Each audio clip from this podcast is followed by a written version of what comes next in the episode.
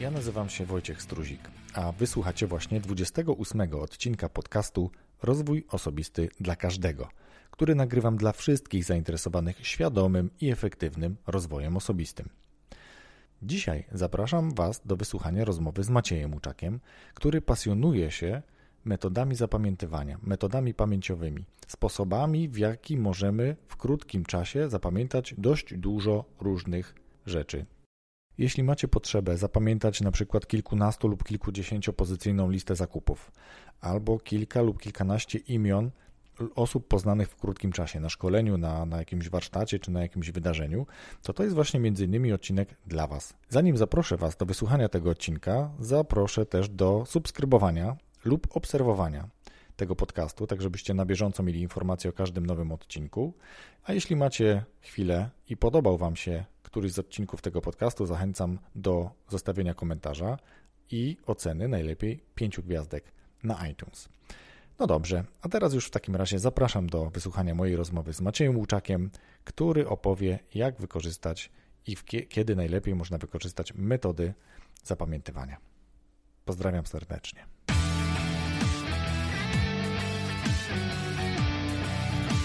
Cześć Macieju, dziękuję, że przyjąłeś zaproszenie do mojego podcastu. Cześć Wojtku, bardzo mi miło, że mnie zaprosiłeś.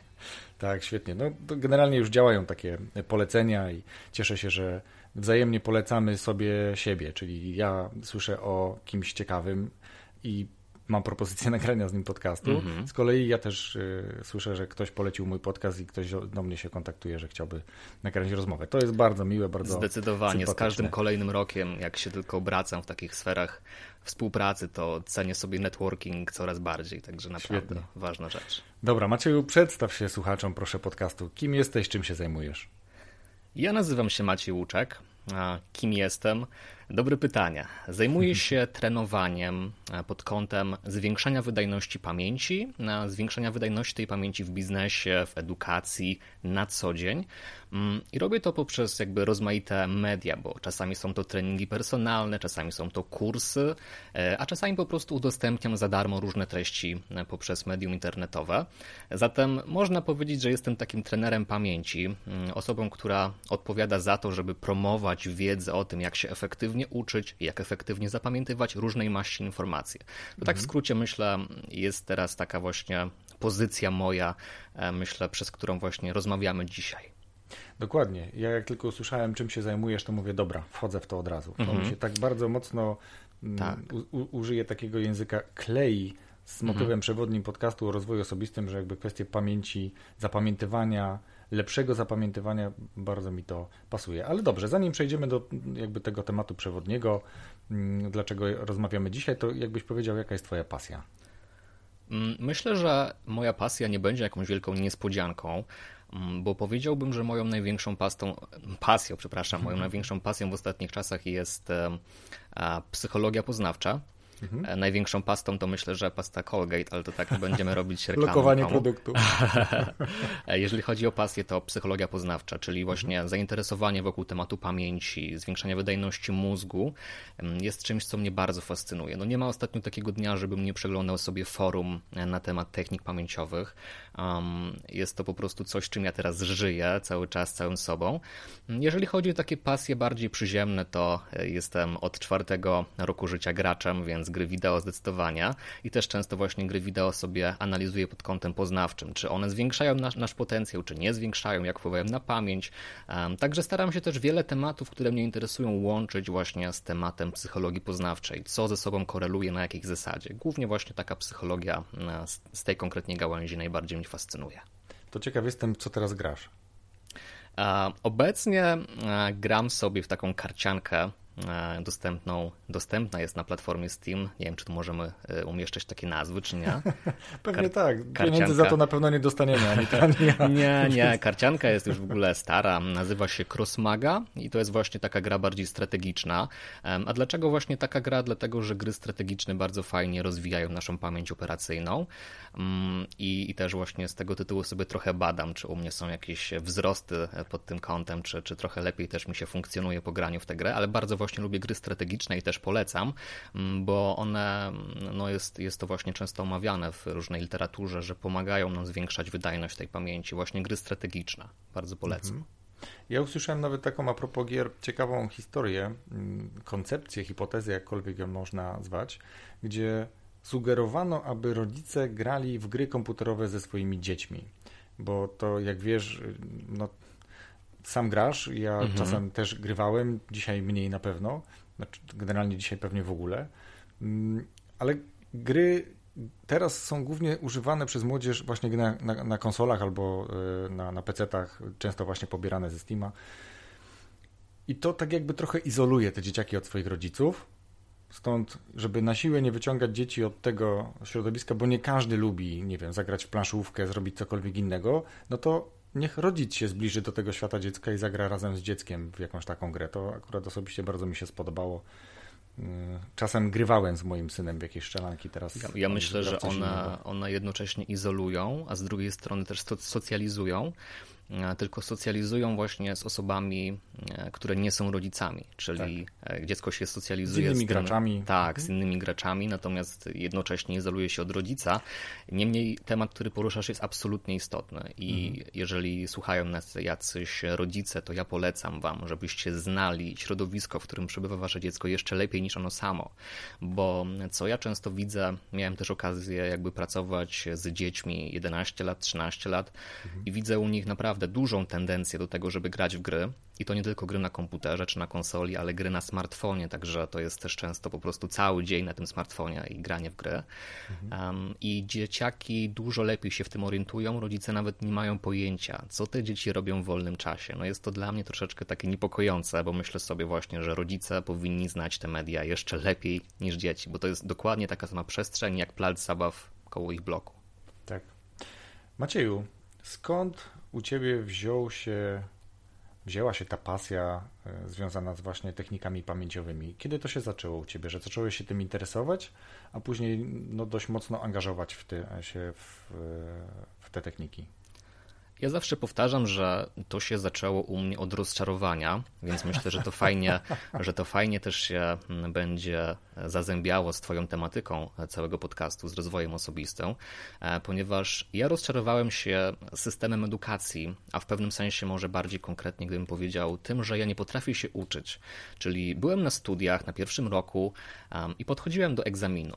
I w trakcie moich przygotowań Czytałem sobie, nawiasem mówiąc, e, książkę Radka Kotarskiego, e, Włam się do mózgu, może kojarzysz, mhm. taka bardzo popularna. Kojarzę, kojarzę, ale przyznam szczerze, bez bicia, że jeszcze jej nie przeczytałem. Aha, Słyszałem, aha. że jest bardzo dobra i właśnie porusza kwestie e, związane z nauką. Zdecydowanie. I tak właśnie sobie czytałem i myślałem sobie, kurczę, Radek tam jakieś te metody podawał i czemu robi to Radek, a na przykład nie robili tego moi nauczyciele? W mhm. szkole, bo przecież e, dlaczego taki przedmiot jak techniki pamięciowe czy techniki uczenia się nie mógłby funkcjonować w podstawówce?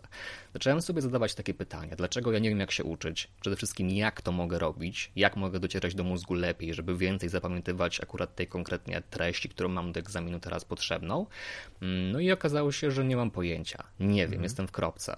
E, egzamin tam wtedy właśnie poszedł mi słabo, Byłem bardzo z tego wyniku niezadowolony i stwierdziłem, no tak to nie może wyglądać, więc zacząłem szukać w literaturze, w mediach, e, głównie mediach zagranicznych, właśnie tam szukać właśnie informacji o technikach pamięciowych i tak z małej techniki na większą zacząłem powolutku przechodzić, aż doszedłem do takich już ciekawych mnemotechnik, które spowodowały, że finalnie uzyskałem na tych studiach stypendium rektora.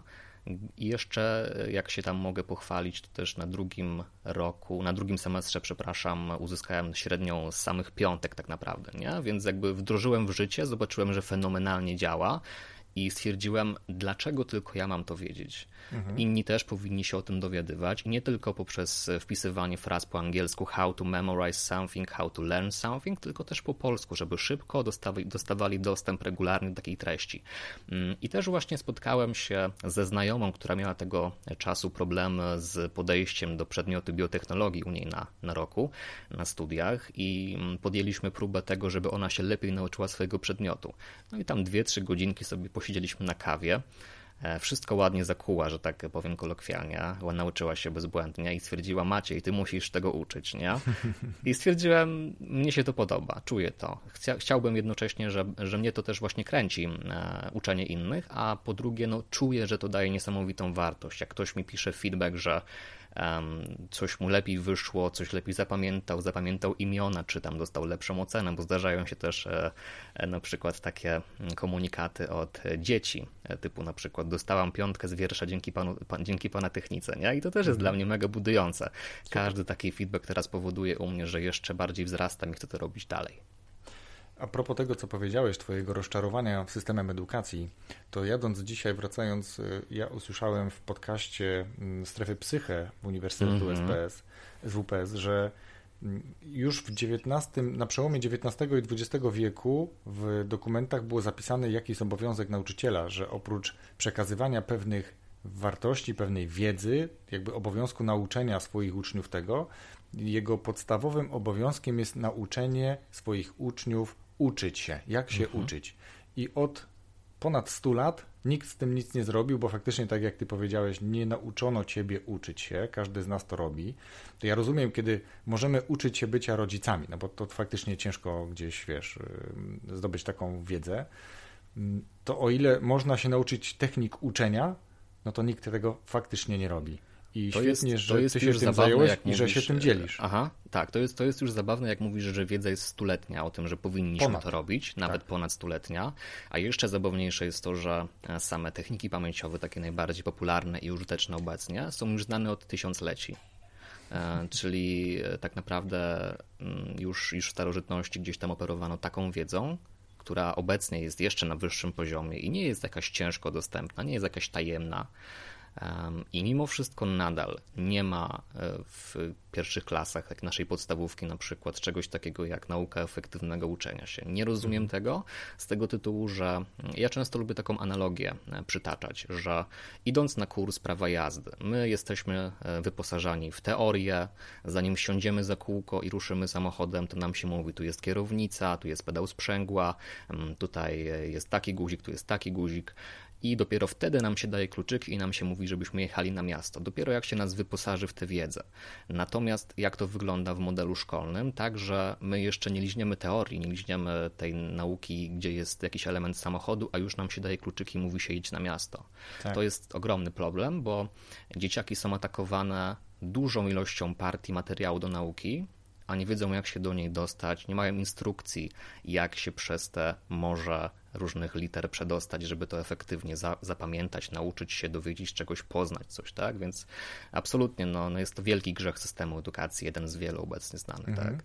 To, co powiedziałeś, że jakby te techniki znane są już, czy znane były w, starożyt, w starożytności, to w tym samym odcinku, o którym mówiłem wcześniej, e, usłyszałem, że pierwsze polskie wzmianki już są z przełomu bodajże XVI wieku. Mhm. Więc nawet w Polsce już pierwsze wzmianki o technikach zapamiętywania, o konieczności jakby świadomego uczenia się, no są właśnie e, na przełomie XVI wieku, czyli zobacz jak, jak wiele stuleci temu ten temat już był dobrze znany. Absolutnie, wiedza absolutnie nie jest, ta wiedza absolutnie nie jest tajemna. O właśnie, znalazłem. To jest 10 przykazań skutecznego uczenia się. To, to tutaj było dużo takich wzmianek e, historycznych, skąd się to bierze. Dobra, powiedziałeś, jak się tym zainteresowałeś. To teraz jakbyś powiedział, co to, oprócz tego, że miałeś średnią z samych piątek, mhm. co jeszcze dodatkowego dało to tobie?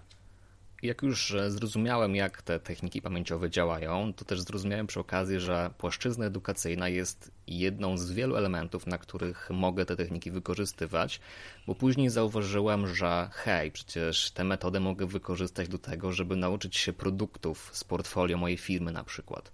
E, bo pracowałem wówczas w takiej firmie, która miała dużo rozwiązań informatycznych i trzeba się było w tym dobrze połapać, żeby umieć to sprzedawać, żeby umieć o tym mówić i stwierdziłem, hej, no to może wykorzystam tę technikę i nauczę się tych produktów po prostu. Nie? I okazało się, że się da, że da się to zaaplikować.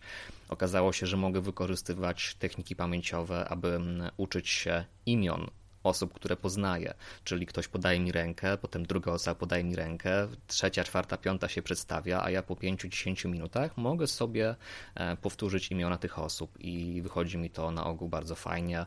Też dostaję informacje zwrotne, e, że ludzie stosują tę metodę i też im to wychodzi i są wdzięczni. Mm, I na przykład e, kolejna płaszczyzna, gdzie jest to bardzo fajnie, pod, fajne pod kątem użyteczności, chociażby języki obce. Mhm. Mm, jeżeli chodzi o zapamiętywanie słówek z języka obcego, no to jesteśmy w stanie bardzo, bardzo ten proces przyspieszyć, jeżeli wykorzystamy techniki pamięciowe. Mm, ja na przykład e, ostatnio miałem okazję uczestniczyć w Mistrzostwach e, Pamięci w Polsce i tam mieliśmy taką konkurencję zapamiętywanie fikcyjnych słówek z języka obcego. Mhm. No i tempo zapamiętywania nasze tam to było tak koło, tak średnio na, na podium to, to wychodziło, że tam jedna osoba z 20 słówek w 5 minut jest w stanie zapamiętać bezbłędnie, przy czym zaznaczam, że to był fikcyjny język obcy wymyślony na poczekaniu przez organizatorów, żeby nic, żeby nikt żeby z nas wcześniej go nie znał. Tak. tak, tak. E, zatem moglibyśmy śmiało wysnuć, że no od, od kilkudziesięciu do nawet tam setki czy dwusetki na godzinę możemy sobie spokojnie dzięki tym technikom pamięciowym zapamiętać zapamiętywać. Ja też nie mówię tego tylko z autopsji, bo tak jak wspomniałem, też trenuję innych i jak trenowałem e, takie trojaczki swego czasu, 11 lat miały dzieciaki, to uczyliśmy się angielskiego właśnie przez mnemotechniki. No i z powodzeniem e, kilkadziesiąt słówek w godzinkę bez, bez problemu szło im naprawdę fajnie. E, nie wylatowało im nic z głowy, tworzyliśmy fajne, zabawne skojarzenia przy okazji, więc e, nie tylko efektywność, ale też sam proces ulega znacznej poprawie. Także naprawdę wiele płaszczyzn, na których można wykorzystać techniki pamięciowe jest, ogranicza nas tylko wyobraźnia. Czyli możemy się tymi technikami nauczyć dosłownie wszystkiego, tak to rozumiem.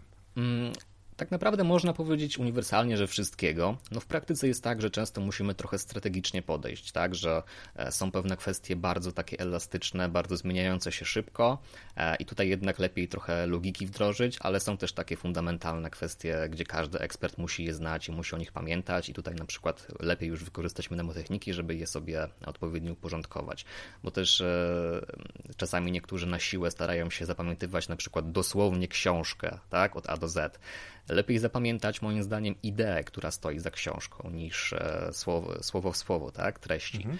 Zatem często przy okazji mnemotechnik jeszcze trzeba pamiętać o myśleniu strategicznym, to jest bardzo ważne, żeby też nie używać e, tych mnemotechnik do wszystkiego, jak tylko leci, ale też używać do czegoś, co nam się konkretnie może przydać i dla nas jest ciekawe, nie? To jest też taka ważna umiejętność, strategiczne myślenie.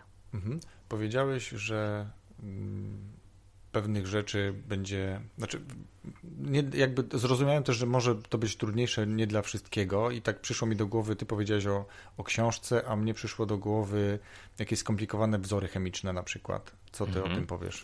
Um, miałem raz okazję uh, uczyć właśnie wzorów Natomiast ja na, na, samej chemii jakoś tak się bardzo, bardzo dobrze nie znam i też nie chcę tutaj mówić, że jakieś skomplikowane wzory wszystko da się zapamiętać. Bardzo proste wzory, takie, gdzie masz literki, cyferki e, i nic takiego większego poza tym tam nie było, to bez problemu się da zapamiętać, tak samo jak wzory matematyczne. Mm, nie wiem, jakbyśmy poszli w takie wzory już bardzo, bardzo skomplikowane. E, wzory chemiczne tam... to też bardzo Aha. często wzory graficzne, nie? bo mm -hmm, mm -hmm. te łączone znaczy, węgli To znaczy, tak ja powiem, to, to, ja powiem tak, e, zdarzyła wzory, mi się... Wzory z bryłami. -hmm. Zdarzyła mi się osoba, która zapamiętywała rysunki techniczne na swoją politechnikę, potrzebowała do egzaminów. I próbowaliśmy właśnie zrobić to poprzez skojarzenia, czyli też taką technikę pamięciową. I bez problemu jakoś sobie to z tym poradziliśmy, tak? Czyli po prostu zamieniliśmy obrazy na coś, co z tymi obrazami się kojarzy, bo te obrazy były takie trochę abstrakcyjne mhm. i dało się zapamiętać, tak? Tylko tutaj mówię, można powiedzieć śmiało, że jest to do wykorzystania no, w praktycznie każdym aspekcie, ale też każdy aspekt wymaga trochę innej strategii, czyli mhm. rysunki wymagają trochę innego podejścia, zapamiętywanie tekstu trochę innego podejścia, zapamiętywanie liczb jeszcze innego podejścia, ale generalnie wszystko jest w zasadzie do zrobienia. Świetnie. Z tego, co oglądałem w, w tych materiałach, który, którymi się podzieliłeś ze mną, to w dużej mierze opiera się to właśnie o technikę skojarzeń.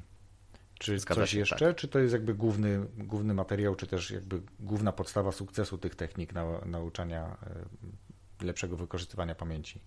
Najważniejszą umiejętnością w kontekście efektywnego zapamiętywania jest zrozumienie, że tekst powinniśmy zamieniać na obrazy, bo badania pokazują, że samo przyswajanie tekstu, który jest jeszcze często abstrakcyjny, dla mhm. naszego mózgu jest mało atrakcyjne.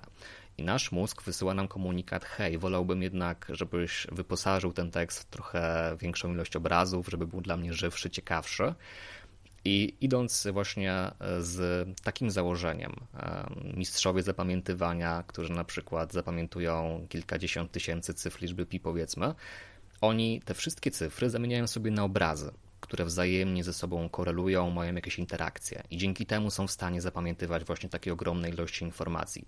Bo e, jakbyśmy wzięli pod lupę proces zapamiętywania takiej ogromnej ilości informacji, no to da się zauważyć, że uczestnik takiego turnieju nie zapamiętuje tak naprawdę cyfr, tylko obrazy, które po tym, jak sobie je odkoduje po fakcie, po pięciu minutach, mówi, a to, to mi mówiło o piątce, to mi mówiło o trójce, to mówiło mi o czwórce, nie?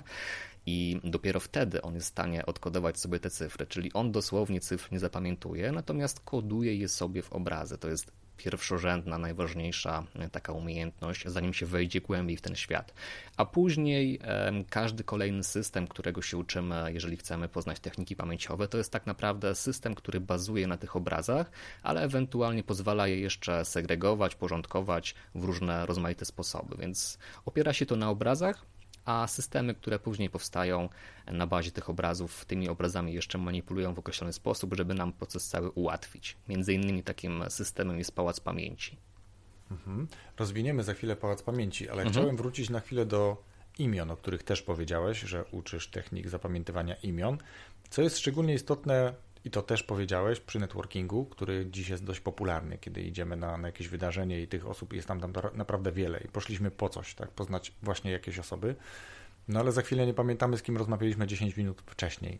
Albo mamy szkolenie, jest kilka, kilkanaście osób i tu akurat prosto można to ograć, bo każdy nakleja sobie naklejkę na klatkę i mm, czy tam gdzieś w jakieś widoczne miejsce, stawia kartkę być może na miejscu, gdzie siedzi i już jakby łatwiej nam jest później tą osobę zapamiętać.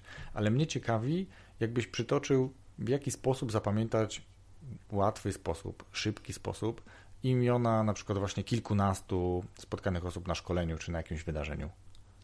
Żeby dobrze zapamiętać imię, to moim zdaniem najpierw należy sobie zdać sprawę, że za, za tym, że te imiona kiepsko zapamiętujemy, nie stoi wcale pamięć. To jest mhm. mit. To jest mit, że my mamy sobą pamięć. Ludzie w to wierzą bardzo naiwnie, że o, ja mam taką kiepską pamięć. Problemem jest dekoncentracja. Czyli my jesteśmy na takim spotkaniu na konferencji i podajemy komuś rękę, to w trakcie podawania ręki, nie wiem, pocimy się, bo to jest jakiś ważny prezes, drży nam ręka, patrzymy mu się w oczy, e, a może z daleka jakaś ładna pani do nas macha i się w ogóle nie skupiliśmy na tej osobie, z którą właśnie rozmawiamy. Mhm. Jest mnóstwo dystraktorów e, dźwiękowych, wizualnych, jeszcze e, innej maści, które powodują, że my nie jesteśmy w stanie się skupić na tu i teraz. I to jest generalnie podstawą bardzo wielu problemów e, na tle zapamiętywania u większości ludzi, że nie potrafią się skoncentrować na tu i teraz, robią czynności automatycznie. I dopiero jak opanujemy tę umiejętność, aby być w tu i teraz i skupić się na tej osobie, a proponuję to zrobić w taki sposób, że na przykład patrzymy sobie na tę osobę i zadajemy sobie pytania: jak on ma na imię? Przy okazji możemy zbudować sobie intencję: chcę zapamiętać jego imię.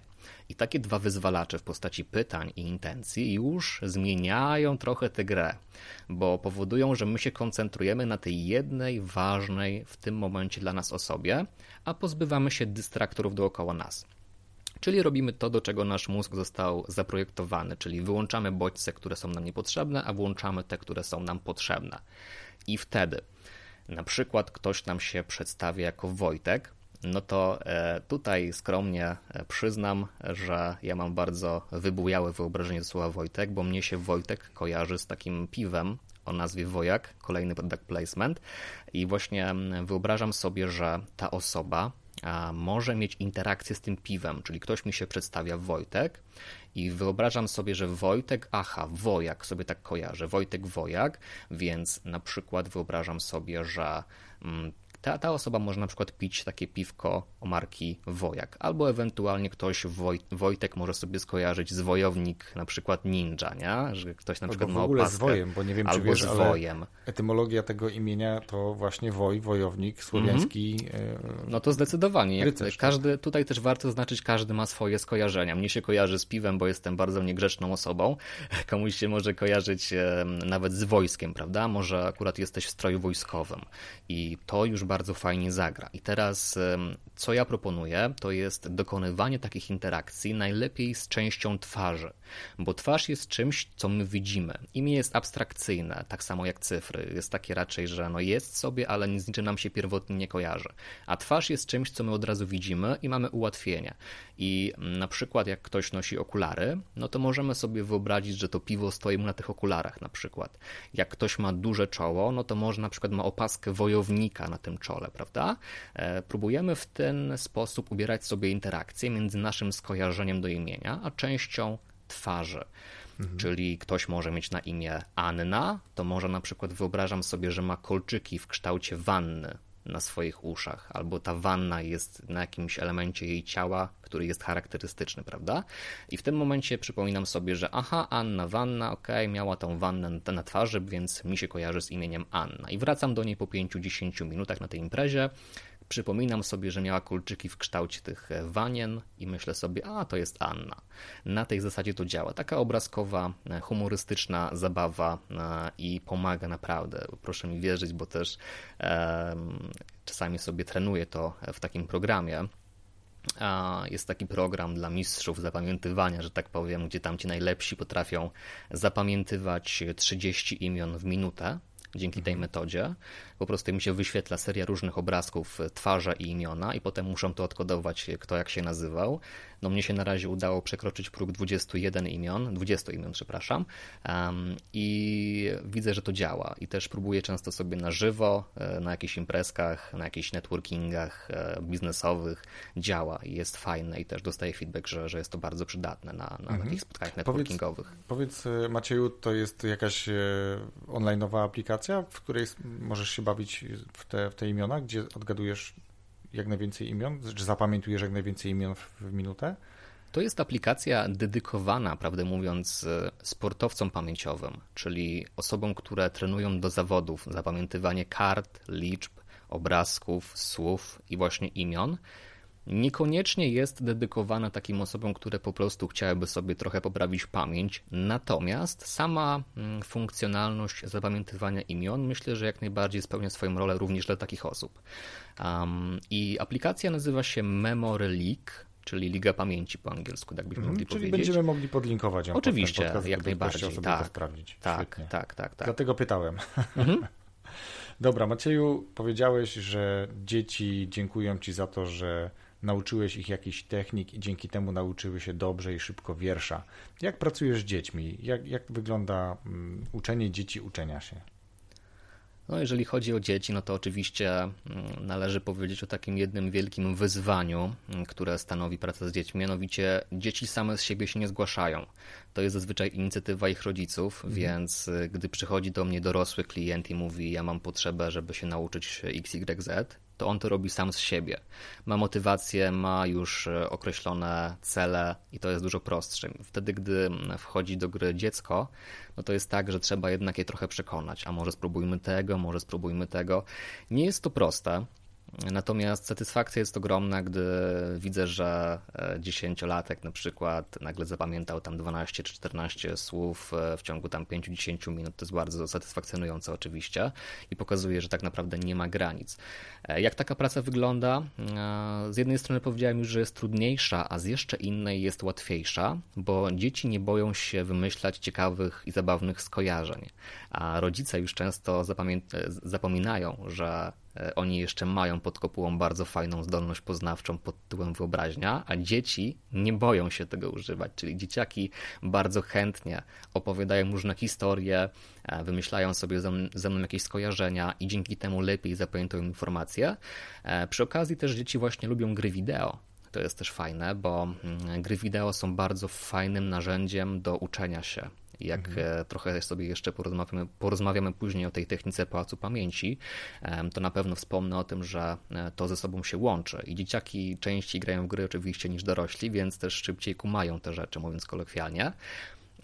Więc e, z jednej strony jest trochę trudniej, bo same z siebie nie chcą, tylko są trochę przymuszane przez rodziców, e, ale z drugiej strony, jak już się wkręcą, to potem mają dużą wyobraźnię, często na maksa większą niż e, ci dorośli, prawda? Którzy już zapomnieli, jak to jest, żeby trochę pobujać w obłokach. Także myślę, że ma to swoje plusy, minusy, tak naprawdę. Ale no bardzo dobra, się no cieszę, to... bardzo mhm. się cieszę na pewno z tego, że E, rzeczy, które wrzucam na YouTube'a, cieszą się popularnością, często widzę wśród uczniów, e, uczniów klas gimnazjalnych, czy podstawówki, czy nawet e, oczywiście szkoły średnie, studia. Cieszy się to popularnością, widać, że jest potrzeba, że potrzebują też właśnie młodzi uczyć się tego typu technik. Mhm. Będę cię ciągnął troszkę za język. Powiedzmy, że przychodzisz Proszę do uprzejmie. takiej, przychodzisz do takiej rodziny, tu ci mówią, tu jest e, Marysia i Marysia musi się nauczyć na jutro jakiegoś bardzo dużego, długiego wiersza, wielu zwrotek. Jak to wygląda, tak żebyś trochę urąbka tajemnicy zdradził, uchylił? A chciałbyś tak porozmawiać technicznie o tym, co powinniśmy zrobić, żeby ten wiersz się nauczyć, tego wiersza się nauczyć, czy bardziej jakie mam podejście takie do dziecka sama, takie Wiesz takie co, jak nauczyć, ale tak, żebyśmy mogli Aha. sobie zbudować wyobrażenie, jak wygląda, Aha. nazwijmy to taka, nie wiem, jeśli to mogę nazwać sesją, tak, czy jakby jasne, taka lekcja jasne. z tobą. Jak, jak to wygląda, tak żeby te mhm. osoby, które mhm. może czują, że mają taką potrzebę, albo one same, albo ich dzieci, no to żeby umiały sobie to wyobrazić, jak Oczywiście. to będzie wyglądało.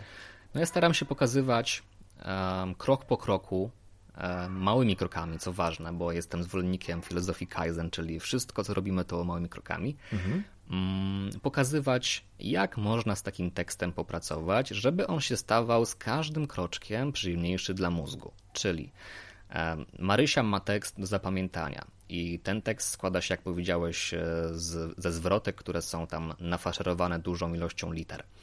I Marysia widzi taki zestaw ośmiu zwrotek i myśli sobie, nie chce mi się, nie chce mi się tego uczyć nie dam rady, nie, nie dam rady. nie zdążę. Dokładnie. Mhm.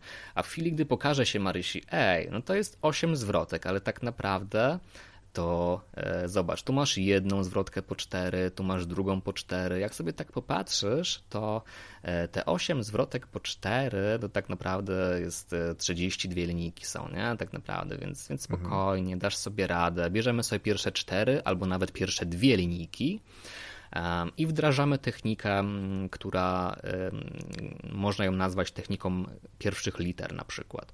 Czyli Marysia czyta sobie pierwsze dwie linijki, na głos do siebie, bo to jest też ważne, żebyśmy wokalizowali, czego się uczymy. E, jakby mówienie do siebie bardzo zwiększa ślad pamięciowy, pomaga nam lepiej coś zapamiętać. Nagłos, no i czytamy sobie. Tak jest, mówimy na głos i staramy się właśnie zakodować poprzez to mówienie na głos te dwie pierwsze linijki. No i dobra. I Marysia już e, czuje, że powoli kuma te dwie pierwsze linijki. Powiedzmy, że teraz mówię i to teraz powiedz te dwie pierwsze linijki patrząc się na bok, a nie w tekst. No i dobrze, patrzy się na bok, a nie w tekst i czyta i jest ok.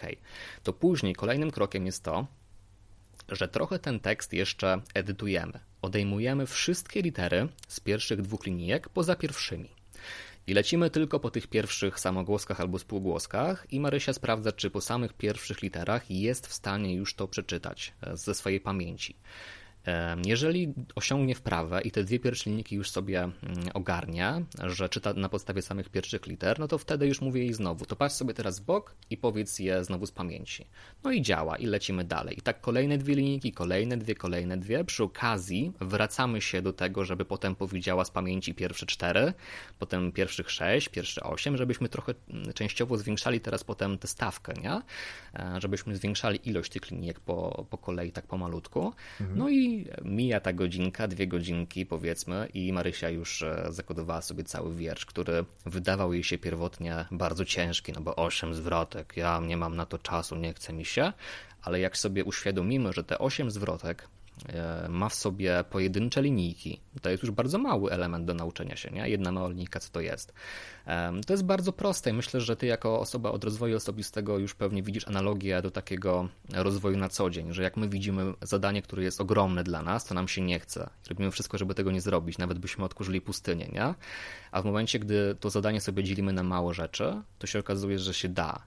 I staram się takie podejście wdrażać na, na takich sesjach z dziećmi czy z dorosłymi, żeby mhm. pokazać im, że tekst, który oni chcą przyswoić, czy, czy wiedza, którą chcą przyswoić, dzieli się na małe kawałki.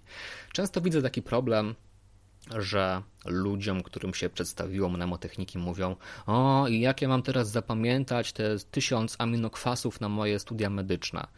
Taki ogromny, szybki sceptycyzm pod tytułem Mój mózg się boi tej zmiany bo jak się okaże, że te tysiąc aminokwasów da się podzielić na małe grupy, to też się okaże, że ten tekst do konsumpcji nie jest aż taki straszny, tylko ludzie nie potrafią sobie zdać sprawy, że trzeba sobie tę wiedzę posegmentować.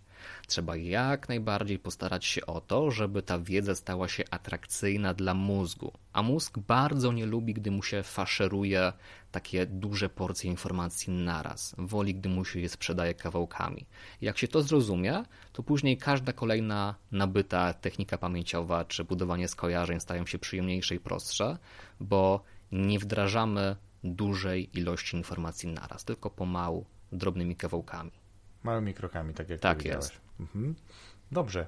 A powiedz mi, czy duża różnica jest, poza tym, że oczywiście już powiedziałeś, dorośli mają trochę większy problem z tym, żeby znaleźć skojarzenie. Dzieci nie mają tego problemu, mają dużo większą swobodę w tym. To jaka jest jeszcze różnica, jeśli chodzi o techniki zapamiętywania między dorosłymi a dziećmi? Różnica. Ja myślę, że różnica jest w stopniu skomplikowania. To znaczy, myślę, że dorosły trochę szybciej zrozumie, na czym polega już trochę bardziej skomplikowana technika, gdzie musimy porządkować sobie informacje w głowie, niż dziecko. To jest na pewno, jeśli chodzi o operowanie pamięcią przestrzenną, to w, z moich doświadczeń wynika, że szybciej rozumieją to dorośli, pamięć przestrzenną. Natomiast pamięć taką skojarzeniową, to tutaj nie powiedziałbym, że dorośli mają jakąś dużą przewagę i też na potwierdzenie moich słów, żeby to było trochę bardziej wymierne, jeszcze wrócę trochę do mistrzostw pamięci w Polsce, e, tam były trzy kategorie: dzieci, dorośli, młodzież. E, I te dzieciaki, które tam były, powiem ci, że niesamowitą robotę robią. One są w stanie zapamiętywać kilkadziesiąt cyfr w dwie minuty. Mhm ponad setkę obrazków e, w kilka minut e, według określonej kolejności.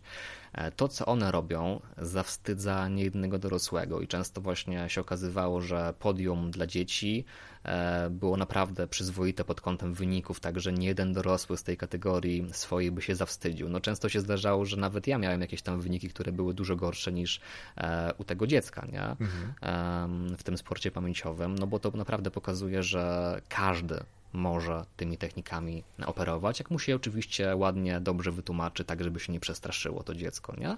E, więc e, tak podsumowując, myślę, że na takim stopniu podstawowym dzieci i dorośli myślę, że nie mają jakichś takich wielkich różnic e, w przyswajaniu tej wiedzy, może jedynie inna narracja, tak? Czyli dziecku trochę się to tłumaczy zabawniej, dorosłemu trochę poważniej. Mm, ale na takim stopniu już zaawansowanym, gdzie już są takie technikalia, że rozmawia się już bardzo technicznie, no to dorosły trochę więcej zrozumie niż dziecko, to na pewno, więc e, trochę prostszym językiem mówimy do dziecka, trochę bardziej już takim skomplikowanym do dorosłego oczywiście. Mhm.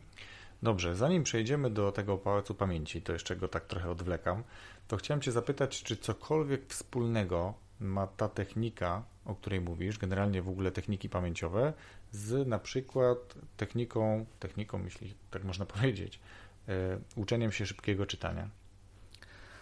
Mm, tak, często jest to łączone. Ja często w ogóle jestem pytany, czy też się zajmuję szybkim czytaniem. Bardzo często to idzie w parze. Byłem w szoku, bo też jako marketer oczywiście sprawdzam regularnie frazy kluczowe, jakie są wpisywane, żeby lepiej swój biznes pozycjonować i często widzę, że mnemotechniki idą w parze z szybkim czytaniem. Czy to jest jakby pojęcie tożsame? To nie jest pojęcie tożsame, ale jest to na pewno coś, co się nawzajem uzupełnia. Czyli jak ktoś myśli sobie, że mam cel, chcę się błyskawicznie uczyć, chcę być mistrzem zapamiętywania, to przy okazji chce też często sobie zrobić nawyk szybkiego czytania, czyli ma, ma powiedzmy na egzamin do opracowania jakąś e, diabelską encyklopedię, która ma po prostu miliardy stron, no to przy okazji tego, że będzie stosował na niej mnemotechniki, jeszcze chce bardzo szybko ją przeczytać, żeby nie tracił czasu na czytanie. E, jak najbardziej jest to, jest to uzupełnienie, natomiast ja jako tako mm, nie zajmuję się szybkim czytaniem, może kiedyś się przekonam. Jestem troszeczkę jeszcze w takiej małej defensywie przed szybkością. E, jeżeli mogę tak się trochę prywatnie przyznać, to mhm. zastanawiam się właśnie, czy takie idee, może słyszałeś, e, mamy teraz takie idee jak slow life, slow food, tak. slow reading na przykład, nie? Ja się trochę zastanawiam, czy, czy może jednak ta ścieżka nie jest lepsza, bo oczywiście szybkość często powoduje w naszym życiu, że no rozwijamy się, technologia idzie do przodu, wszyscy osiągamy te niesamowite rezultaty, a z drugiej strony myślę sobie, że przez to, że szybko czytamy, czy szybko coś robimy, to tracimy trochę jakość tej chwili tu i teraz. Mam takie czasami filozoficzne uniesienia oczywiście, niemniej nie neguję tego, jak ktoś ma ochotę robić e, więcej rzeczy szybko, no to e, polecam, tak, jak najbardziej. Książki, książki myślę zwłaszcza warto sobie poczytać e, autorstwa Tonego Buzana. Myślę, że to jest bardzo fajna literatura. To do zakresie. książek na pewno wrócimy. Ja też trochę zadałem to pytanie przekornie, dlatego że krążą, może nie krążą, ale są takie różne podejścia do właśnie samej techniki szybkiego czytania, czy też technik szybkiego czytania, że to jest trochę jakby mit, że to jest, jest nawet taki dowcip ponoć, który mówi, że no przeczytałem wczoraj w dwie godziny Wojny i Pokój. No i o czym to jest? No o Rosji. O wojnie i pokoju. szybko czytając, to jest to, co powiedziałeś. Może i na pewno tak jest, że bardzo wiele, może nawet bardzo istotnych elementów treści czytanych umyka, no bo ja trochę bardzo chciałem nauczyć się szybko czytać. Nigdy nie podjąłem próby, ale rozważałem, tak? Szukałem jakby za i przeciw i jednak dużo takich autorytetów mówi o tym, że to, to szybkie czytanie nie do końca nie do końca występuje, nie do końca się sprawdza. Dobra, Wiesz, ale mówiliśmy, zostawmy... mówiliśmy mhm. jeżeli jeszcze mogę chwilkę o tym, Jasne. o tej szybkości, mówiliśmy troszeczkę o grach, no to na przykład w grach też funkcjonuje coś takiego jak speedruny na przykład, tak, czyli szybkie przechodzenie gier. I też można spytać taką osobę, no dobra, przeszedłeś tam grę w 5 minut, nie? Ale mm, czy też sam proces był dla ciebie ciekawy, czy, czy coś przeżyłeś więcej? No jaka przyjemność jest w zagraniu w 5 minut w grę, nie? Dokładnie, dokładnie, dokładnie. Chociaż rzeczywiście tutaj można się kłócić, bo jednak granie w gry, żeby przechodzić przez w ciągu 5 minut, to też trzeba potem setki godzin poświęcić na takim graniu wolnym, nie? Natomiast e, szybkość wydaje mi się często może trochę wpływać negatywnie na sam proces. To jest warte do warte, żeby się nad tym pochylić, jeżeli chce się coś robić szybko. Mhm. Czy na pewno warto? Tak, tak. Dobrze, przejdźmy w takim razie do tego Pałacu Pamięci. Rozbuduj proszę to, bo to bardzo ciekawe jest. Pałac Pamięci. Pałac Pamięci to jest taka metoda, e, która wykorzystuje wcześniej wspomniane skojarzenia, ale w miejscu, które my bardzo dobrze znamy. Czyli mamy do zapamiętania 10 informacji. I do tych 10 informacji stworzyliśmy sobie 10 obrazków, żebyśmy łatwiej te informacje zapamiętali. I teraz każdy z tych 10 obrazków możemy sobie umieścić w wyobrażeniu na przykład naszego mieszkania. Czyli powiedzmy, że obrazek numer 1 będzie przy wejściu do naszego mieszkania, przy drzwiach. Obrazek numer dwa będzie na przykład w zlewie. U mnie będzie zlew, bo mieszkam w kawalerce, więc szybko mam zlew. Potem będzie obrazek numer trzy przy lodówce, czwórka będzie przy drzwiach z łazienki, piątka na pralce, szóstka na toalecie, siódemka w umywalce, ósemka w wannie, dziewiątka na wyjściu do mojego salonu i dziesiątka tam jeszcze na jakiejś kanapie. Um, czy to jest mniej więcej dla Ciebie jasne? Mhm czy tam jeszcze coś może rozbudować. Bo, bo też często właśnie pytam o to, bo każdy jakby różnie czasami to rozumie. W każdym razie chodzi o właśnie zdefiniowanie sobie, jak zapamiętamy daną informację przez skojarzenie i gdy wymyślimy dany obrazek, to potem ten pałac pamięci jest takim systemem przechowywania tych obrazków w naszej pamięci. Jeżeli na przykład chcemy sobie zapamiętać listę zakupów i powiedzmy, że na pierwszej pozycji jest cytryna, no to wyobraźmy sobie, ja lubię to robić po raz pierwszy na celebrytach. To bardzo fajnie działa. Więc na przykład jakiegoś celebrytę, którego znasz, możesz podać teraz. Boniek. Boniek, Zbigniew Boniek. Pierwsze, co mi przyszło do głowy. Zbigniew Boniek e, stoi przy drzwiach do mojego mieszkania i zagryza cytrynę na przykład, mhm. tak? I zleci kwas z tej cytryny. Możesz sobie wyobrazić swoje mieszkanie w tym momencie, właśnie drzwi do swojego mieszkania, prawda? Mhm. E, możemy właśnie operować na twoim mieszkaniu, więc Zbigniew okay. Boniek zagryza tę cytrynę przy stacji numer pierwszej. Nazywamy sobie to stacjami. Mhm. E, powiedzmy, że drugim elementem naszego, naszej listy zakupów jest makaron jakaś druga postać? Nie przychodzi mi do głowy, nie znam celebrytów, mogę ci powiedzieć. Nie znasz celebrytów, nie. niesamowita. Jak nie oglądam telewizji, wiesz? Ale więc... na przykład znasz Marylę Rodowicz? Tak. To wyobraźmy sobie, że co jest u ciebie drugą stacją, drugim pomieszczeniem, drugą rzeczą? No szafa szafa. No to przy twojej szafie Maryla Rodowicz na przykład wciąga do nosa mak makaron, na przykład sobie wyobraźmy, nie? Powiedzmy, że taki nowy lek na katar z Włoch, makaron, który się wciąga do nosa. Mhm. E, więc przy pierwszej stacji był Zbigniew Boniek z cytryną, przy drugiej była pani Maryla e, z tym makaronem i teraz co u ciebie jest na przykład stacją trzecią?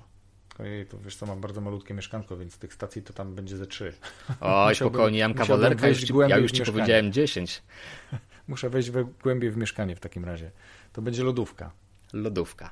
No to przy lodówce możemy sobie znowu kogoś wyobrazić. Na przykład wyobrażamy sobie Wojtka i wyobraźmy sobie, że teraz na przykład na stacji, przy stacji numer 3 jest woda mineralna. No to wyobraźmy sobie, że Wojtek jest taki upał, że chce sobie zrobić prysznic i wylewa na siebie butelkę wody mineralnej, oczywiście w szklanym opakowaniu, e, bo nie chcemy tutaj robić krzywdy światu. Nie? Tak jest, less waste. E, I powiedzmy, że jeszcze przy stacji czwartej, co u Ciebie jest stacją czwartą? Mm, szafa cargo. Szafa, kolejna szafa, dobrze. To powiedzmy, że przy tej czwartej stacji e, możemy sobie zapamiętać, że chcemy e, umieścić czekoladę. To wyobraźmy sobie, że jakieś dziecko może, znaczy jakieś sławne dziecko, albo może dziecko z, jakiś, e, z jakiegoś twojego kręgu. Słucham, dziecko rozmar. Okej. Okay. To powiedzmy, że właśnie to dziecko jest sobie czekoladę, jest takie uchichane. O, wreszcie mogę zjeść czekoladę, jest. Więc wyobraźmy sobie, że to dziecko zajada się tą czekoladą i jest takie uchichane, bo, bo wreszcie może zjeść sobie czekoladę, fenomenalnie się czuje. Um, I mamy swoje cztery stacje właśnie budowane, tak? Czyli mhm. mieliśmy pana Bońka, mm, który co robił, pamiętasz? Boniek z cytryną. Tak, potem mieliśmy panią Merlerodowicz, pamiętasz tak, co robiła? Makaron. Tak, i potem przy stacji trzeciej, pamiętasz co mieliśmy? Przy stacji trzeciej byłem ja, wylewałem na siebie wodę. Tak, i przy stacji czwartej? Dziecko z czekoladą. Dokładnie tak. I każdy taki element jak czekolada czy ten makaron. Ale generalnie sobie... chodzi o to, żebym ja zapamiętał, że mam kupić cytrynę, makaron, wodę no, i czekoladę. Powiedzmy, że takie było zadanie na przykład, tak? Dla okay. ciebie. Zapamiętaj sobie cztery rzeczy z twojej listy zakupów. Nie? Oczywiście my te rzeczy na naszych sesjach byśmy rozszerzyli sobie do 10 czy 12, tak? I powiedzmy, że chciałbyś zapamiętać w takim E, formacie na przykład informacje do egzaminu, czy informacje potrzebne ci do pracy, dokładnie ten sam sposób możesz wdrożyć na inne płaszczyzny. Oczywiście tam już trochę skojarzenia są bardziej skomplikowane, bo wiadomo, że nie ma problemu, żeby zapamiętać e, informacje typu makaron, ale żeby zapamiętać informacje typu hipokamp, no to już trochę trzeba pogłówkować, nie? E, bo na przykład hipokamp mnie osobiście kojarzy się z hipopotamem, więc wyobrażałbym sobie, że na przykład Tamarla Rodowicz karmi hipopotama na przykład, nie? Mhm. I w ten sposób możemy przechowywać nasze skojarzenia w chronologicznym układzie, w, taki, w takim układzie, że będziesz w stanie sobie otworzyć od A do Z 20, 30, 40, nawet kilkaset pojęć bez problemów, tak? E, więc to w takim wielkim skrócie jest pałac pamięci, technika znana od naprawdę starożytności.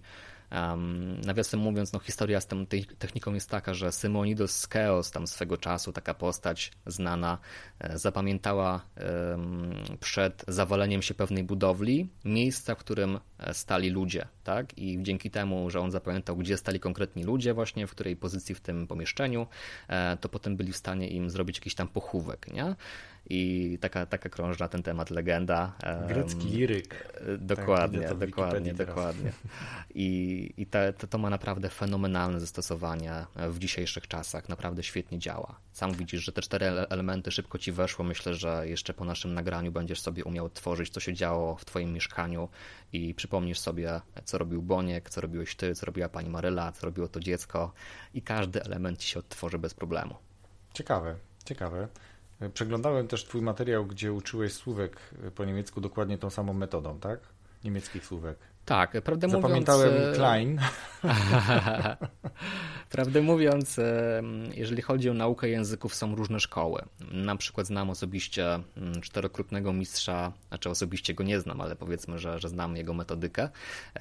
Czterokrotnego mistrza zapamiętywania USA w mistrzostwach USA i on na przykład języki zapamiętuje bez pałacu pamięci, tylko poprzez skojarzenia ale są również osoby, które zapamiętują języki z pałacem pamięci. Na przykład mam taki challenge, że zapamiętam sobie tysiąc albo dwa tysiące słówek, umieszczę je w różnych lokacjach, które znam i w ten sposób e, się nauczę języka właśnie pod kątem słówek. Także są różne szkoły. Ja osobiście preferuję w kontekście samego języka właśnie to, co robi ten mistrz, e, czterokrotny mistrz Nelson Delis, mhm. czyli bardziej na zasadzie skojarzeń na przykład, tak? Czyli właśnie Klein to jest mały, no bo myślę sobie, myślę sobie po polsku, jak się dogadać z Niemcem, Niemcem, by powiedzieć mu mały. To przypominam sobie, aha, mały to był ten dzidziuś e, z majtkami w Kelvina Kleina na przykład, tak? Mhm. E, I myślę sobie, a Klein, tak, mam to, nie?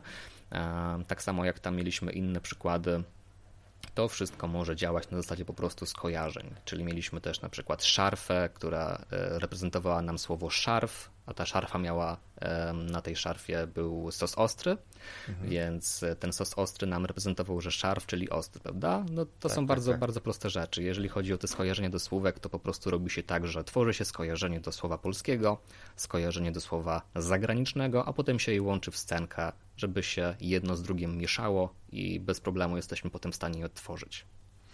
A ty powiedz, z jakiej metody korzystasz najczęściej, jeśli potrzebujesz czegoś się nauczyć, zapamiętać?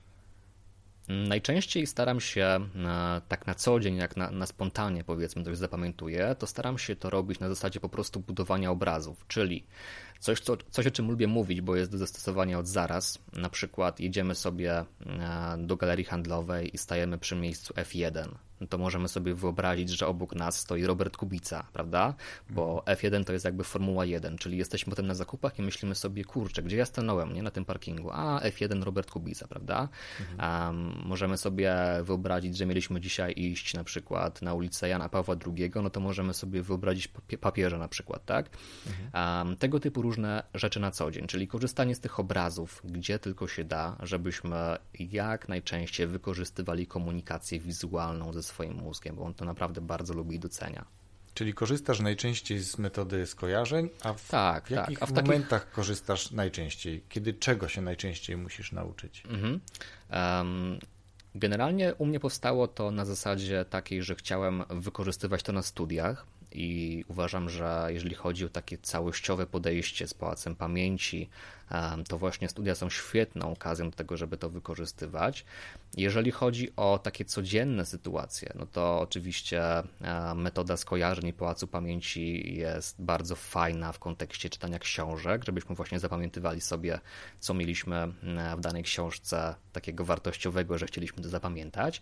E, myślę, że również e, wykorzystywać warto to w przypadku prezentacji ja na przykład swoją prezentację ostatnią zapamiętywałem przy użyciu e, mnemotechnik, czyli rozpisywałem sobie na każdą stację w moim pałacu pamięci skojarzenie do nagłówka z mojej prezentacji i w tym momencie po takich kotwicach sobie chodząc w trakcie prezentowania mogłem wygłaszać treści, na których mi zależało, tak, żeby mi się to nie pogubiło w myślach. No i oczywiście robię wrażenie, bo nie korzystam z notatek, tak, mam to wszystko w głowie, więc status eksperta jakkolwiek jest zachowany, bo jak korzystamy już z tych wspomagaczy, to trochę to traci e, na naszym wizerunku, prawda? Mm, więc w takich aspektach biznesowych również. No oczywiście bardzo często wykorzystuję przy zapamiętywaniu imion E, to mi się bardzo często właśnie udaje e, mhm. wykorzystać wtedy, mm, czyli idę na jakąś imprezę, idę na jakieś spotkanie biznesowe, poznaję nowych ludzi, no to szybko skojarzenia, które już sobie tam gdzieś tam wcześniej wykorzystywałem, poznaję Wojtka, no to wyobrażam sobie, że Wojtek trzyma to piwo Wojak, e, poznaję Annę, no to ma te, ma te wanny na, na swoich kolczykach, prawda? Mhm. Poznaję Piotrka, no to Piotrek mi się kojarzy z pionkiem do gry w szachy, więc wyobrażam sobie, że gdzieś tam na swojej twarzy ma tego pionka. Mm, myślę, że również te języki obce jak najbardziej też wykorzystuję tutaj e, skojarzenia. Ostatnio próbowałem podejść sobie do jakiegoś nowego języka, myślałem o duńskim, na razie stanęło na pierwszej lekcji, może się wkręcę dalej, ale właśnie e, zastanawiam się nad takim językiem, który dałby mi realną użyteczność w najbliższej przyszłości, żeby też skonsumować, powiedzmy tak dziwnie, naukę tego języka na zasadzie korzystania z mnemotechnik, więc tego typu obszary, myślę, takie staram się szukać najbardziej potrzebnych, mhm. najbardziej użytecznych, żeby te mnemotechniki wykorzystywać. Oczywiście można również wykorzystywać techniki pamięciowe wtedy, gdy mamy do czynienia z tak zwaną e, pamięcią prospektywną, czyli na przykład pamiętanie, że masz coś zrobić za godzinę na przykład, nie? E, w jakimś konkretnym miejscu, no to możemy sobie wyobrazić, że jak wracamy z pracy do domu, a po drodze mamy sklep, no to obok tego sklepu mieliśmy na przykład w sklepie kupić karton mleka, więc wyobrażamy sobie idąc obok sklepu, że na głowę nam spada mleko na przykład obok tego sklepu, tak? Czyli taki obraz sobie budujemy i zakodujemy go sobie jest szansa, że odtworzy nam e, to, co mieliśmy zrobić. Chociaż tutaj e, w kontekście pamięci prospektywnej E, już warto wiedzieć, że e, jest to bardzo ciężki temat do ujarzmienia, bo zapamiętywanie na przyszłość e, jest o tyle problematyczne, że często jesteśmy wybijani z tego rytmu. Czyli mieliśmy coś zrobić, ale nagle spotkaliśmy kolegę z dawnych czasów, no i się okazuje, że się zagadaliśmy i co ja miałem zrobić, zapomniałem już, nie? Także tutaj różne, różne są użyteczności, natomiast tak jak wspomniałem też wcześniej, warto pamiętać o odpowiedniej strategii. Świetnie. Mm, wspominałeś o książkach, już powiedziałeś o jednym autorze, ale jakbyś teraz przytoczył trochę książek, takich książek, może jedną książkę, to już od ciebie zależy, taką, która jest dla ciebie taką najbardziej wartościową, która dużo pomogła ci w tym kontekście, lub w jakimkolwiek innym generalnie, ale taką, którą osobiście byś polecił. Kurczę, mówisz, że tylko jedna? Nie, nie, absolutnie nie chcę cię ograniczać. To znaczy tak, jeżeli chodzi o taki wstęp do zainteresowania się w ogóle efektywną nauką, myślę, że książka Radka Koterskiego spełnia swoją rolę. Jest mhm. takim dobrym wprowadzaczem w temat. Bardzo prostym językiem napisana, e, w, utrzymana w stylistyce humorystycznej Radka, którą ja bardzo cenię, bo jest to gość, który uważam też jest zabawny przy okazji. Mhm. Um, więc dobrze się to konsumuje, przyjemnie. Przy okazji też poparte jest to wszystko fajnymi badaniami i jego osobistą analizą. Też e, wykorzystał to w praktyce, więc bardzo, bardzo dobrze to działa. Mhm. I to byłby taki wprowadzacz. E, mnie osobiście w głębszy świat wprowadziła książka Joshua Foera. Joshua Foer, jak zostałem geniuszem pamięci. E, ten tytuł jest opowieścią o dziennikarzu, który został wysłany, żeby pisać reportaże o tym, jak spędza czas na turniejach zapamiętywania, gdzie właśnie są ci wszyscy geniusze zapamiętujący miliony elementów na, na czas, tak? Mhm. E, I okazało się, że po czasie bycia sceptykiem, no bo co go to obchodziło, nie był tym zainteresowany, sam się tak bardzo wkręcił, że no oczywiście nie będę spoilerował, co się działo, no ale w każdym razie wkręcił się i na tyle się wkręcił, że potem wydał książkę e, opisującą te, to doświadczenia. I właśnie też zainspirował wielu ludzi do tego, żeby uczyć się tych technik e, pamięciowych. Jeżeli chodzi o taką książkę, która jest już bardziej naukowo podsumowująca te tematy, to myślę, że warto zapoznać się z książką Fitness mózgu. Mhm. Ta książka, e, ta książka właśnie pokazuje różne fajne, użyteczne e, rzeczy w kontekście naszych zdolności, zdolności poznawczych. Mm, to znaczy w co na przykład warto grać, jakie takie czynności stymulujące warto wykonywać, aby nasz mózg był zaspokajany, żeby był trenowany, czyli innymi słowy, jak wdrożyć do naszego życia taką siłownię dla mózgu. Bardzo fajne, fajna literatura, którą polecam. No, dużo takich ciekawych, ciekawych informacji w zakresie właśnie tego, co mówi nauka na dane tematy, czyli dlaczego na przykład wykonywanie tylko jednej czynności pod tytułem ćwiczenie sudoku dla starszej osoby będzie za mało stymulująca, no bo to jest tylko jedna forma aktywności, e, a powinien e, ten starszy pan na przykład jeszcze dodatkowo malować coś albo e, wykonywać coś bardziej artystycznego, żeby nie stymulować tylko tej analitycznej części siebie. Mhm. Są takie wątki tam podjęte, jak dlaczego warto medytować, jak to wzbogaca naszą pamięć i jak biologicznie w ogóle koreluje z naszym mózgiem. No fascynujące rzeczy, naprawdę polecam. Nie tylko pod kątem zapamiętywania, ale również zwiększania uwagi techniki zwiększenia koncentracji, myślenia, bo tak naprawdę należy pamiętać o tym, że te wszystkie zdolności poznawcze w którymś punkcie naprawdę ze sobą korelują i bez dobrej koncentracji nie będziemy mieli dobrej pamięci. Bez dobrej uwagi nie będzie dobrej pamięci, prawda? Więc tak. e, ta książka, myślę, jest taką biblią, jeśli chodzi o zdolności poznawcze, przynajmniej dla mnie, bardzo wartościowa. No to świetnie. To podlinkujemy te pozycje, o których mówisz, tak żebyśmy mogli podzielić się również, żeby ci, którzy są zainteresowani zgłębianiem dalej tego tematu, mm, mogli sobie to właśnie w sposób, czy poprzez przeczytanie książek, niekoniecznie szybkie przeczytanie książek, do tej wiedzy, do tej wartości dotrzeć. A teraz jakbyś jeszcze powiedział mm, na koniec, gdzie można Ciebie znaleźć, gdyby na przykład ktoś chciał się z Tobą skontaktować i trochę więcej o tym porozmawiać, albo zaprosić Cię do jakiejś współpracy, to gdzie Cię najlepiej szukać? Najlepiej i najprościej wpisać po prostu maciejluczak.com. Na tej stronie właściwie są wszystkie niezbędne informacje na mój temat. A jeżeli ktoś chciałby tylko skonsumować e, moją osobę poprzez jedno medium, no to ja polecam osobiście YouTube'a, na którym jest takich najwięcej wartościowych treści dostępnych zupełnie za darmo. E, kontakt e, biznesowy to też jest oczywiście dostępny na tej stronie maciejluczak.com, ale jak ktoś już chciałby od razu mieć podane, to maciej małpa maciejluczak.com. Przez ten adres można mnie złapać. E, jestem otwarty na różne formy współpracy, czy to prezentacje, czy to e, treningi, czy to kursy. Jak najbardziej zapraszam, bo wierzę w to, że e, jestem coraz bliżej ku temu, by te techniki pamięciowe naprawdę wprowadzić na fajny poziom rozpoznawalności i popularności w Polsce. Świetnie. To w takim razie ja gorąco Tobie dziękuję za naszą rozmowę. Ja sam trochę lepiej dzisiaj zrozumiałem to, co oglądałem w Twoich materiałach. A czy to... pamiętasz nasze słówka? Y, mówisz o cytrynie, makaronie, wodzie i czekoladzie? Dokładnie tak. I to chciałem usłyszeć. tak no wyrwany z kontekstu. To zrozumiałem właśnie dzięki temu, bo wiesz, mhm. zupełnie inaczej, kiedy oglądasz tylko materiał i, i, jakby przyglądasz się tym technikom, a faktycznie inaczej to działa w momencie, kiedy, kiedy tą technikę zastosujesz na sobie. Zdecydowanie jakby Ta tak. lista zakupów faktycznie została mi w głowie i, i przyznam się trochę głupio, ale mm, czasami żona do mnie zadzwoni, jak wracam z pracy i mówi, wiesz co, kup tam trzy rzeczy jakieś mi podaje. Mówię, wiesz co, to napisz mi to w Messengerze, bo zanim dojadę, to ja zapomnę. No. Tak, tak, tak. No tak. A w trakcie jazdy samochodem byś sobie ułożył szybką historię i nie potrzebujesz zapisywać, a przy okazji rozgrzewasz sobie mózg, nie? Dokładnie tak. Polecam.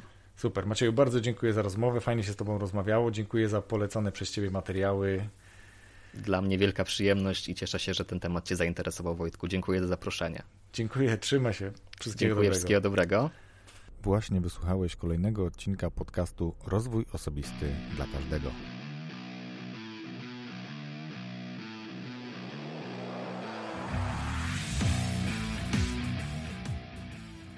Cytryna, makaron, woda i czekolada. Niby cztery składniki, ale wiemy, że mamy jeszcze Bońka, Marylę, i mamy Wojtka i mamy małego chłopca, dziecko Rosemary.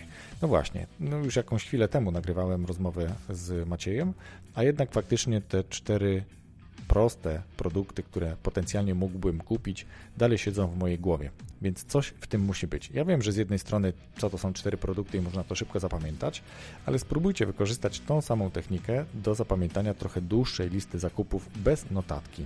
Tak żebyście metodą skojarzeń zapamiętali kilkanaście na przykład pozycji do kupienia w sklepie. Dziękuję, że wysłuchaliście tego odcinka. Mam nadzieję, że zastosujecie i będzie dla Was korzystna ta wiedza, którą podzielił się Maciej.